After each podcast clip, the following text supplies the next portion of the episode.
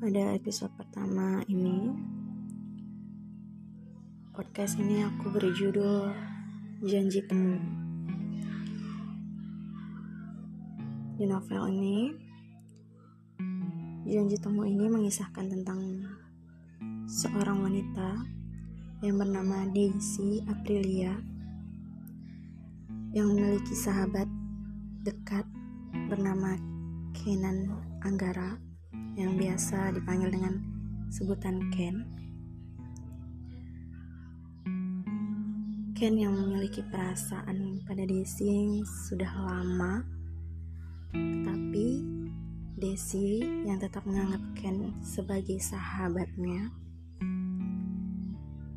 Dan Desi dengan tegas menutup perasaannya untuk Ken, sahabatnya sendiri. Ken yang berusaha untuk membuka hati Desi. Pada akhirnya Desi berkenalan dengan seseorang yang ia kenal melalui sebuah aplikasi jodoh yang menurutnya itu konyol pada akhirnya. Ia benar-benar dibuat bodoh oleh seseorang yang ia bahkan belum pernah temui. Yang bahkan belum pernah ia tahu orang itu seperti apa. Tetapi dengan resiko besar Daisy berani menjatuhkan hatinya pada lelaki tersebut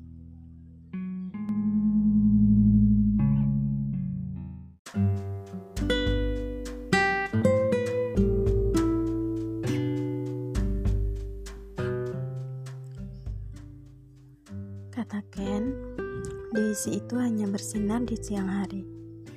Jadi, dia sering banget narik tangan aku saat matahari lagi terik-teriknya. Mau ke mana sih, Ken? Sana, mau ngajakin kamu main panas-panasan. Supaya apa? Panas tahu. Kamu tahu nggak? Kamu itu bersinar di saat matahari lagi terik-teriknya. Cantiknya kamu makin terpancar. Aku mau kasih lihat ke matahari kalau ada yang lebih jauh bersinar dari matahari itu sendiri. Jangan ngada-ngada, Ken. Kalau aku jadi hitam, matahari bisa-bisa ngejakin aku.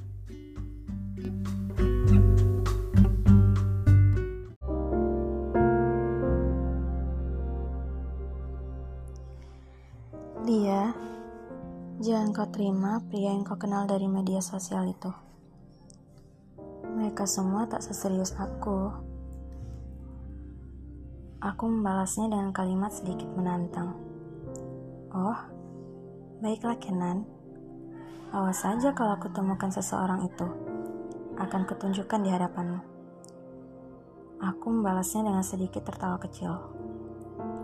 Memangnya sudah berapa banyak pria yang mengajakmu berkencan? Sudah banyak sekali, Ken. Bahkan katanya ada yang akan melamarku. Hei Desi, lalu kau akan percaya begitu saja dengan perkataan mereka? Ken, asal kau tahu ya, kita tak bisa menilai seseorang hanya dari katanya sebelum benar-benar bertemu dengan orang itu. Kalau apa yang dikatakan pria itu serius, kau mau apa? Aku ingin bertemu dengannya dan memberinya ucapan selamat. Selamat untuk apa? Selamat karena sudah meluluhkan hati Desi Aprilia. Yang sedangkan aku sendiri sudah kehabisan cara untuk meminta hatimu.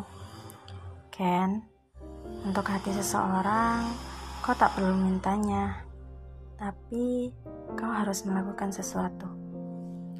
Sesuatu seperti apa lagi yang harus kulakukan untukmu ya? Tidakkah kau rasa semua yang aku lakukan?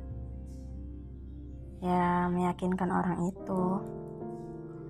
Hanya kau saja yang belum bisa yakin padaku.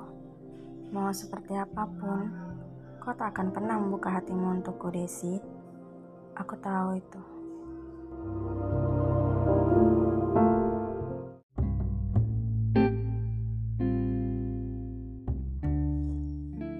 Aku berbaring dan lama sekali memandang lukisan bunga desi yang terpajang di depan kasurku.